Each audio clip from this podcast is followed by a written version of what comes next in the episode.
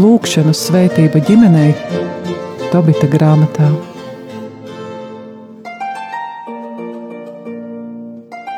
Slavēts Jēzus Kristus. Mūžīgi mūžos slavēts. Studijā Stela. Un Anģela. Šodien turpināsim lasīt Tobita grāmatas 13. nodaļu, kurā, kā jau iepriekšējo reizi sapratām, ir tādas kā divas sadaļas, un iepriekšējā reizē mēs vairāk runājam par to pirmo, kur Dabits ir izpildījis eņģeļa Rafaela vēlējumu uzrakstīt par to, ko Dievs ir darījis viņa dzīvē, par kunga lielajiem darbiem. Un redzējām, ka viņš raksta šos lūkšanas vārdus līksmā, prātā, ka viņš ir priecīgs. Un redzējām arī, ka šī lūkšana ir kā psalms, kā slavas dziedājums, kurā Tombits pat netik daudz varbūt pievērš uzmanību savam, savam piedzīvojumam, Viņa lūkšana izraisās no šī piedzīvojuma, bet pievērš visu lasītāju, klausītāju, jo šo lūkšanu tikpat labi varētu kāds arī pat dziedāt, pievērš uzmanību tām, kā Dievs darbojas, ka viņam nav neiespējamu lietu, un kā ļoti bieži Dievs Un mēs arī lasījām, atcerējāmies tos rakstu fragmentus. Dievs izmanto nelaimi, teikt, lielas nepatikšanas, lielas sāpes un ciešanas, lai paceltu cilvēku un darītu viņu spējīgu, darīt dieva darbus. Minējām arī Jāzepu, kuram ceļš uz otrās personas vietu Eģiptes valstī sākās no pārdošanas verdzībā un cietuma, ka Dievs ļoti bieži pieļauj šo nokāpšanu, lai tad pie viņa rokas cilvēks atkal uz, varētu celties un uzkāpt. Arī Tobits saņem daudzas labas dāvanas, uz kādām varbūt pat nav cerējis. Un viss sākas ar to, ka ka varētu likties, kā tā, ka Dievs labu cilvēku ieved tādā nelēmē. Viņš taču darīja labas lietas, apglabāja mirušus, palīdzēja nabagiem. Viņš visu darīja pēc likuma, ne tikai burta, arī pēc gara. Bet kā tad tā? Putna mēsli acīs redzes nav, nabadzība, bet tieši caur to Dievs deva Tobitam atkal gan bagātību, gan Tobita ģimenē ienāca jauns cilvēks, dēls Tobijs, devies garajā ceļā kopā ar Eņģeli Rafaelu, atrada sievu sāru, arī viņa saņēma pestīšanu no šī ļaunā gara, un sekojot šīs ģimenes piedzīvojumiem, redzam, ka tur visur ir klātesoša dieva roka, viņa vadība, Un Tobijs, Tobits min arī savā lūkšanā šo aicinājumu cilvēkam atgriezties no grēkiem, pievērsties Dievam ar visu savu sirdi, veikt šo metanojas ceļu, šo piegriešanos, pievēršanos Dievam, jo tad viņš pagriež savu vaigu uz cilvēku un ir klātesošs. Un skatieties, ko viņš ir darījis pie jums, un pateicieties! Un vēl mēs redzējām arī, ka es savas gūstniecības zemē pateicos viņam un rādu grēcinieku tautai viņa spēku varenību. Ka Tobits slavē Dievu arī par to, ka viņš atrodas Ninīvē pagānu vidū, jo tas dod viņam iespēju liecināt pagāniem par Dieva spēku un varenību.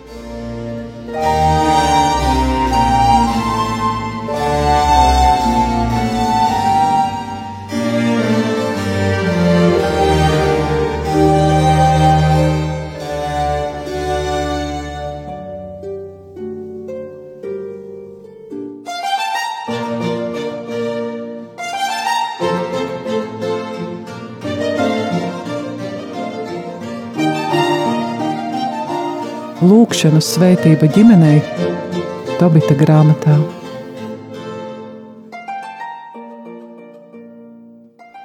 Un vēl es neatceros, vai mēs pat minējām to vai nē, ka arī Pāvils vēstulē Filipiešiem 1, 12 līdz 14 slavē tādu savu ļoti nelabvēlīgu situāciju, ka viņš taču ir gūstniecībā un važās. Kā viņš saka, 1, 12 līdz 14. Bet es gribu, brāļi, lai jūs zinātu, ka tas, kas ar mani notiek, ir drīzāk sekmējis evaņģēliju, ka manas važas ir kļuvušas Kristū zināmas visā virsardzē, arī visiem citiem un ticības brāļu vairākums, kas uzticējušies manām važām ar vēl lielāku drosmi, bezbailīgi sludina Dieva vārdu. Tur jau ir jaunā derība un ir runa tieši par evaņģēliju, par Dieva vārda izplatīšanu visā pat pasaulē, jo kā Mateja evaņģēlija beigās Kristus aicina mācīt un sludināt evaņģēliju visām tautām. Jā, un šeit mēs varam atkārtot no Topita grāmatas to uh, astoto pantu, es savas gūstniecības zemē pateicos Jā. viņam un rādu grēcinieku tautai viņa spēku un varenību, kunga spēku un varenību. Atgriezieties, grēcinieki, un dariet taisnību viņa priekšā, kas to zina, vai viņš gribēs jūs un vai parādīs jums žēlsirdību. Un šeit mēs varētu arī lasīt no apstuļu darbiem, astoto nodaļu. Bet, kad apstuļi Jeruzalemē dzirdēja, ka Samarija ir pieņēmusi dieva vārdu, tie nosūtīja pie viņiem Pēteri un Jāni, kuri nogājuši lūdza dievu par viņiem, lai viņi saņemtu svēto garu, jo ne par vienu no viņiem tas vēl nebija no, nācis. Viņi bija tikai kristīti, kunga Jēzus vārdā. Tad tie uzlika viņiem rokas, un viņi saņēma svēto garu. Sīmanis, redzēdams, ka gars tiek dots ar apstuļu roku uzlikšanu, piedāvāja viņiem naudu un teica: Dodiet arī man šo spēju, lai ik viens, kam es uzlieku rokas, saņemtu svēto garu. Bet Pēteris viņam sacīja: lai tava nauda iet pazušanā līdz ar tevi, jo tu iedomājies dieva dāvanu iegūt par naudu. Nav tav, tev daļas netiesību pie šī vārda, jo tava sirds nav taisna dieva priekšā. Atgriezies no sava ļaunuma un lūdz kungu, varbūt tev tiks piedota tava sirds iedomā, jo es redzu tevi žults rūkuma pilnu un nelietības saistītu, bet Sīmanis sacīja: Lūdziet jūs par mani, kungu, lai par mani nenāk nekas no tā, ko jūs ieteicāt. Paldies! tāds jaunās derības vārds un ļoti spēcīgs, ka šeit arī mēs redzam, ka gars tiek dots un izlaists pat pagānu vidū, jo jūdi ar samariešiem nesagājās, uzskatīja viņus par tādiem pagāniem, un vēl mēs redzam, Kad kaut arī šeit, Tobita grāmatā, arī drusciņi bija minēta nauda, bet citā kontekstā, ka arī Tobits, bet tur bija runa par to, kad Tobijs nezināja, kas šis jauneklis ir un gribēja godprātīgi dalīt, dalīties savā bagātībā ar to, kas viņu visur bija pavadījis. Kaut gan uh, debesu būtnei nav šie, šī nauda vajadzīga. Bet Anģēlas nolasītajā fragmentā jau ir pavisam cita lieta ka šīs gara dāvanas, par kurām mēs apstuļu Pāvila vēstulē varētu lasīt ļoti daudz, kāds ja nekļūtos burvis Sīmans, ja viņš tur diezgan tumša personība, viņš grib šīs dāvanas nopirkt par naudu. Kā situācija diezgan līdzīga mūsdienās, ka cilvēks domā, ka viss garīgais un laicīgais ir iegūstams par naudu. Viņš grib tās pirkt. Bet apstuļa atbilde parāda, ka die, tā ir dieva dāvana, kuru nevar nopirkt. Varam salīdzināt arī šo Tobija, da, Tobija un Tobita notikumu, šo eņģeļa klātbūtni nekas nevarēja nopirkt. Tā bija dieva dāvana, un viss šis ceļš, sākot jau ar to nelaimi un pacelšanos no tās bija dieva dāvana. Un jaunajā derībā, tā fragmentā mēs redzam, ka vai ir tā uzreiz, nu sīmani taisnā ceļā uz elli, tu gribi pirkt dieva dāvanu no reja ar visu naudu prom.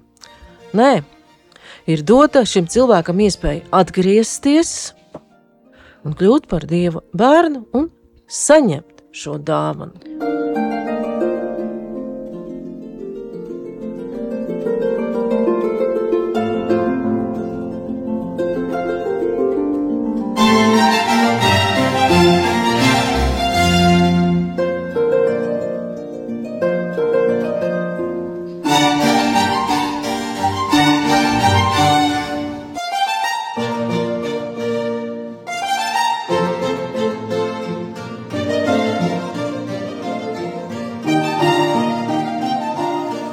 Lūkšanu svētība ģimenei Tobita grāmatā. Un šeit mēs arī varētu izlasīt no Jāņa evaņģēlīja trešās nodaļas par Nikodēmu, jā, farizēju, kurš atnāca pie Jēzus, un viņš saka, Rabi, mēs zinām, ka tu esi skolotājs, no Dieva nācis, jo tādas zīmes, ka tu dari, nev nevar darīt neviens, ja vien Dievs nav ar to. Jēzus atbildēja un viņam sacīja: Patiesi, patiesi es tev saku, ja kas nepiedzims no jauna, tas nespēja redzēt Dieva valstību. Nikodēms viņam sacīja, kā var cilvēks piedzimt vecs būdams, vai tad vēl var otrreiz ieiet savas mātes miesās un piedzimt. Jēzus atbildēja: Patiesi, patiesi es tev saku, tas, kurš nepiedzims no ūdens un gara, nevar ieiet Dieva valstībā. Kas piedzimis no miesas, ir miesa, un kas piedzimis no gara, ir gars. Nebrīnies, ka es tev sacīju, jums jāpiedzimst no jauna. Paldies! Šis fragments no Jāņa Evanģēlija ļoti skaidri pasaka, ko tad tam Sīmanim bija darīt, ka viņam būs piedzimt no gara. Un arī vēstules ebrejiem atgādinājums arī mums visiem, Pāvila vēstulē ebrejiem sestajā nodaļā, ka Bet tos, kas reiz tikuši apgaismoti, baudījuši debesu dāvanas, ir bijuši līdzdalīgi pie svētā gara, baudījuši dieva labo vārdu un sajutuši nākamības laikmeta spēkus, un tad atkrituši no ticības, tos nav iespējams atkal no jauna vest pie atgriešanās, jo tie dieva dēlu no jauna piesist piesit krustā un liek apsmieklam.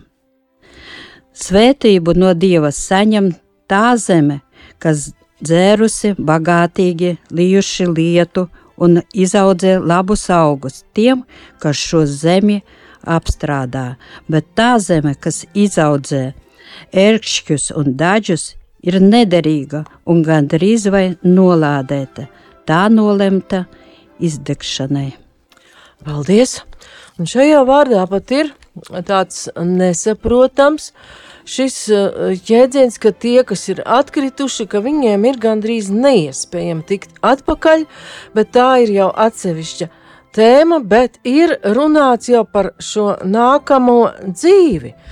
Un arī Tobits lūkšanas otrajā daļā iet jau ārpus vecās derības rāmjiem, ja tā varētu teikt, un viņa lūkšana mudina domāt par Jeruzalemi ne tikai tajā nozīmē, ka par šo svētās zemes Svētu pilsētu un galvaspilsētu, bet jau redzēt to, kā debesu Jeruzalemi.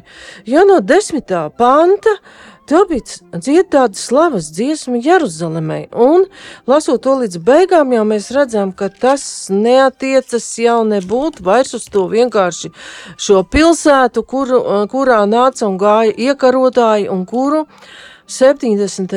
gadā jau pēc Kristus sagrāva imperators Tic. Bet, ko tad saka Tobits, saka svētā pilsēta Jeruzalem? Lai Dieva teica visi, kas tevī mīt, un lai pateicas viņam, viņš šaustīs par tavu dēlu darbiem un taisno dēlus atkal apžēlos. Nu, jau šis pants liecina, ka Tobits domā pavisam par kaut ko citu, jo viņš nedzīvo Jeruzalemē. Viņš sēž Ninivē, pagānu vidū, kā atceramies. Bet viņš runā ar tādu deksmi, ka var saprast, ka savā sirdī viņš ir pievērsies kungam un jau mīt šajā svētajā pilsētā Jeruzalemē. Un Dievu teica, visi, kas tevī mīt, un pateicas, un viņš atkal atgādina uh, lasītājiem, klausītājiem šos vārdus, kad viņš šaustīs tavu dēlu darbiem un taisno dēlus atkal apžēlos. Tā tad atkal ir šis cilvēks, cilvēka iespēja atgriezties, jo cilvēks ir un paliek cilvēks, un viņam ir šī, pēc grēkā krišana, šī nosliec uz ļaunu, jo, kā Pāvils saka, ka to, ko labu grib, viņš nedara, bet to ļaunu, ko negrib, izdara. Un tālāk Tobits runā pateicies kungam labi un slavē mūžības ķēniņu, lai viņa telts tiek uzcelta tevī ar prieku no jauna. Viņa telts, dieva mājoklis pie cilvēkiem. Viņa telts tika uzcelta arī cilvēku vidū, ja mēs lasām Jāņa evaņģēlijā prologu, jo tur jau Dievs nāk pie cilvēkiem, kā iemiesotais vārds. Kristus piedzimst mūsu vidū. Un tur reizēm ir šis jautājums par tulkojumu. Iesākumā bija vārds, un vārds bija pie dieva, un vārds bija dievs. Un tālāk ir, kad caur viņu viss ir radies, un ir visi šie vārdi, kur mēs skaidri varam atpazīt jau Kristu. Bet 14. pants ir un vārds tapa miesa un mājoja mūsu vidū. Mēs skatījām viņa godību, tādu godību kā tēva vienpiedzimušā dēla, pilnu žēlastības un patiesības.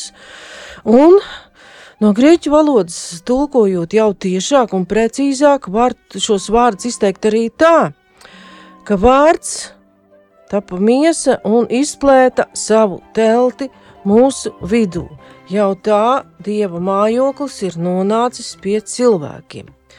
Bet Tobita vārdi jau mudina domāt par šo izcilo pilsētu, kura ir aprakstīta Jāņa atklāsmes grāmatā, un atsevišķi fragmenti vecajā derībā jau arī vada uz domāšanu par šo debesu pilsētu ka, piemēram, izsais divi, trīs. Šī ir tā atklāsme, ko Iesai amats dēls saņēma par jūdu un Jeruzalemi. Laiku beigās notiks, ka tā kunga nama kalns stāvēs jau stingri savos pamatos un pacelsies pāri visiem kalniem no pakalniem, un pie tās aplūdīs visas tautas. Un nāks daudzas tautas un sacīs: Iesim, kāpsim tā kunga kalnā, Jākap dieva namā, lai viņš mums māca savus ceļus, un mēs, lai staigājam viņa. Un jaunā Jeruzaleme, tās ir jā. atklāsmes grāmatā. Mēs uh, varam Dievu vārdu lasīt 21. nodaļā. Tad nāca viens no septiņiem eņģeļiem, kuriem bija septiņi trauki, pildīti ar septiņām pēdējā laika sērgām, un uzrunāja mani: Skaties, es tevi radīšu, rādīšu līgavu, jēra sievu. Viņš mani garā aizveda uz lielu augstu kalnu un radīja man svēto pilsētu, Jeruzalemi, nokāpjam no debesīm, no Dieva.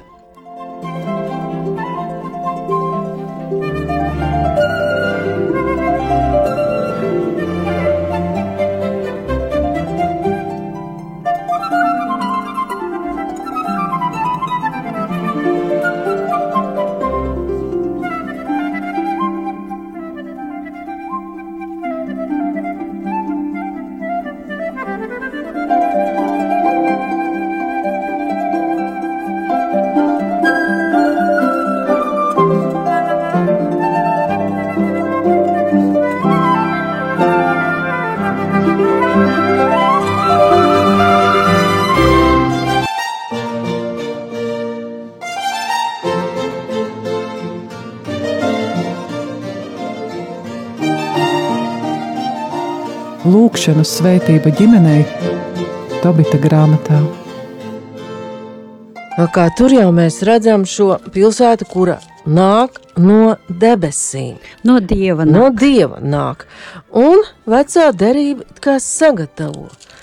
Un, ja mēs to desmito pantu, ar kuru Tobits, uh, par kuru uh, Tobits runā par Jeruzalemi, lasītu krieviski, tad būtu teikts par šo pilсету, чтобы снова была сооружена, была от, э, от скиния его, чтобы снова была сооружена скиния его. Tas ir, kad lai Dieva šķirsts tiktu no jauna izveidots.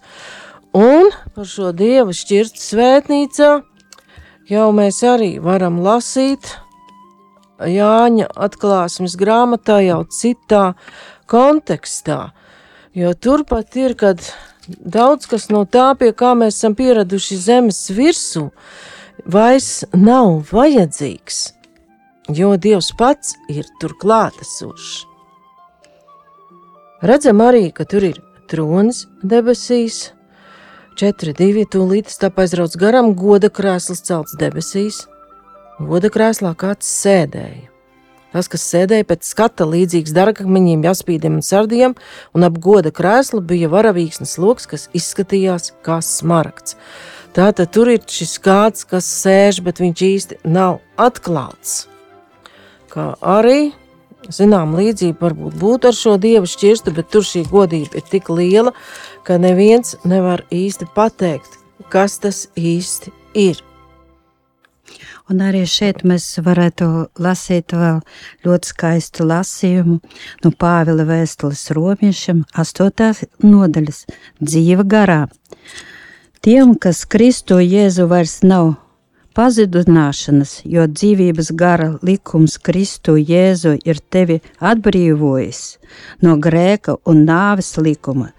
Tā kā bauslība miesas dēļ bija nespēcīga un to nespēja, Dievs grēka dēļ ir sūtījis savu dēlu grēcīgas miesas veidolā, un tā miesa grēku ir notiesājis, lai bauslības taisnība liktu piepildīta mūsos, tiktu piepildīta mūsos, kas dzīvojam nevis, nevis pēc miesas, bet pēc gara, jo tie, kas ir pēc miesas, patur prātā miesīgo, bet tie, kas pēc gara garīgo. Miesas saprašana ir nāve, bet gara saprašana ir dzīvība un miers, jo miesas prāts ir naidā ar Dievu. Tas nepakļaujas dieva bauslībai, nec arī to spēj. Tie, kas ir miesīgi, nevar būt tīkami dievam. Jūs gan nesat miesīgi, bet garīgi. Ja vien dieva gars mīt jūsos, kam Kristus gara nav, tās viņam nepieder. Un ja Kristus ir jūsos, tad miesa grēka gan ir mirusi, bet gars caur taisnību ir dzīvs. Paldies! Kā šeit mēs redzam šo Pāvilam ļoti raksturīgos izteikumus par cilvēka miesas un gara it kā ienaidu, ka nevienmēr cilvēks spēj pakļaut savu miesu tam, uz ko viņa mudina gars, un tieši dieva gars. Un Nu, svētais Jā, gars jā. palīdz cilvēkam. Svētais gars palīdz cilvēkam, jā, jā, sekot. svētais gars uh, vada cilvēku, jā, un var pārvarēt viss, varbūt miesa. Jo, eh, kas, ja mēs runājam tālāk par eh, debesu Jeruzalemi, man šķiet, ka laiks laikam ir iztecējis. Debesu ar Jeruzalemi, jā, jā, tā ir jā, baznīca arī, Tā- jā, Sākotnēji mēs varam šeit saprast to kā baznīcu, un bet- visi ticīgie. un visi ticīgie, Jā, bet tā, un, jo arī baznīca ir nākusi no debesīm, jo Jā. iemiesūtais vārds Mateja evaņģēlijā 16. nodaļā pats pasaka, kur ir vienīgā vieta, uh, jaunajā derībā, kur ir minēts šis vārds, kad tu esi klīns, uz šīs klīns es celšu savu baznīcu. Jā, un mēs esam Dieva baznīca, tā debesu Jeruzaleme, Jeruzaleme, jā, un visi ticīgi kopība ir baznīca.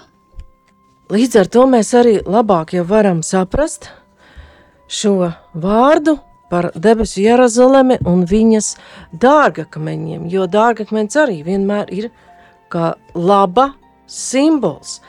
Bet vai šie, šī simbola bagātība glu, eh, gluži nāk nesagatavota? Nē. Pravietis īsais arī runājis par šo debesu godību un dārgakmeņiem, ja mēs lasām īsaja 54. Un tālāk, īsaja 54, tur arī ir šie tēli, kurus mēs redzam atklāsmes grāmatā. 54, 11, 12. Tu saliek tā dzīves vētra daudz mētātā, tu nekad neiepriecinātā. Redzi, es likšu tavus akmeņus zināmas rodas rakstā un safīrus tev pamatā. Es celšu tavus torņus no kristāla un tavus vārtus no rubīniem, un iezīmēšu visas tavas robežas ar dārgakmeņiem. Visi tavi dēli būs tā kunga mācīti, un liels būs tavu dēlu miers. Kunga mācīti, tā tad viņi būs sapratuši gara balsi un dzīvi garā. Un vēl mēs arī izsēja grāmatā 60. nodaļā no 1 līdz 6 varam lasīt vārdus, kas arī sagatavo šīs debesu realitātes saprašanai. Un izsējas raksta no 1. panta 60. nodaļā celies, to bija apgaismota, jo tava gaisma nāk, un tā kunga godība uzlec par tevi. Tik tiešām tumsība apklājas zemi un dziļa krēsla tautas, bet par tevi uzlec kā saule tas kungs. Un viņa godība parādās par tevi. Tautas staigās tavā gaismā un ķēniņa tai spožumā, kas uzliekas par tevi. Pacel savas acis un skaties visapkārt. Tie visi ir sapulcējušies un nāk pie tevis, tavi dēli nāk no tālienes, un tavas meitas uz rokām atnestas. Kad tu to redzēsi, tad tu starosi priekā, un tavas sirds iedrabēsies un atvērsies, jo jūras bagātības virziesies šurp pie tevis, un tautu mantas ieplūdīs tevī, kas arī ir ļoti līdzīgs atraks, apraksts, kāds ir Jāņa atklāsmes grāmatā. Ja atceramies, Jāņa atklāsmes grāmatas aprakst, ka tur šī pilsēta ir četrstūraina, tātad no visiem četriem vējiem, visām četrām debesu pusēm, un vārti ir katrā trīs vārti no šīm pusēm, 12 un vārti. 12 jā. vārti kopā. Un to var saprast arī tā, ka eksaģēts skaidro, ka šie cilvēku darbi, kas ir darīti garā un kurus ir ierosināties Dievs, tiek pacelti šajā godībā un kļūst par šīm bagātībām, kuras tiek sanestas svētajā pilsētā. Un arī e, Ecehela grāmata uh, savā 36. nodaļā mēs varam lasīt, man bija žēl sava svēta vārda, ko Izraela nams ganīja arī starp tautām, kur tie bija nonākuši. Tādēļ saka Izraela namam, tā saka kungs Dievs, Izraela nams, es To nedara jūsu, bet gan sava svēta vārda dēļ, kuru jūs apganījāt, nonākuši starp citām tautām. Es darīšu svētu savu vareno vārdu, kas no aptraipīts tautās, jūs to apgānījāt, dzīvodami starp viņām. Bet tagad tauta zinās, ka es esmu kungs, saka kungs Dievs, tie redzēs, kas es jums esmu svēts, ka es esmu jums svēts. Es jūs ņemšu no tautām un sapulcēšu no valstīm un vedīšu jūs uz jūsu zemi Es lacīšu jūs ar šķīstu ūdeni, lai topat šķīsti no savas nešķīstības, es jūs šķīstīšu no visiem jūsu elkiem. Es jums došu jaunu sirdi un jaunu garu, to es jums došu. Es izņemšu jums akmens sirdi un došu miesas sirdi, un es jums došu savu garu. Es došu savus likumus, un jūs tiem sekosiet. Jūs ievērosiet un pildīsiet manas tiesas. Jūs dzīvosiet zemē, kur es devu jūsu tēviem, un jūs būsiet mani ļaudis, un es būšu jūsu dievs. Es jūs atbrīvošu no visas jūsu nešķīstības, es dāsni vairošu labību, badu vairs nesūtīšu. Paldies! Un šo vārdu, kas it kā ir attiecināts uz izredzētās tautas atgriešanos no gūsta, varam Tobit grāmatā saprast jau tālāk, jau jaunās darības izpratnē. Ja kā 17. pantā Tobit grāmatā mēs varam lasīt izteikumu, kurš jau runā par šo mūžīgo dzīvi, šo mūžīgo pilsētu visām tautām, jo tur ir teikts, Jeruzaleme tevī pilsēta, tiks uzcelts viņa nams uz visiem laiku laikiem. Traidījuma laiks šodien ir ātri iztecējis un par Jeruzalemi un tās dažādajām nozīmēm mēs runāsim jau nākamajā reizē, bet šodien paldies par uzmanību. Studijā bija Stela un Anģela.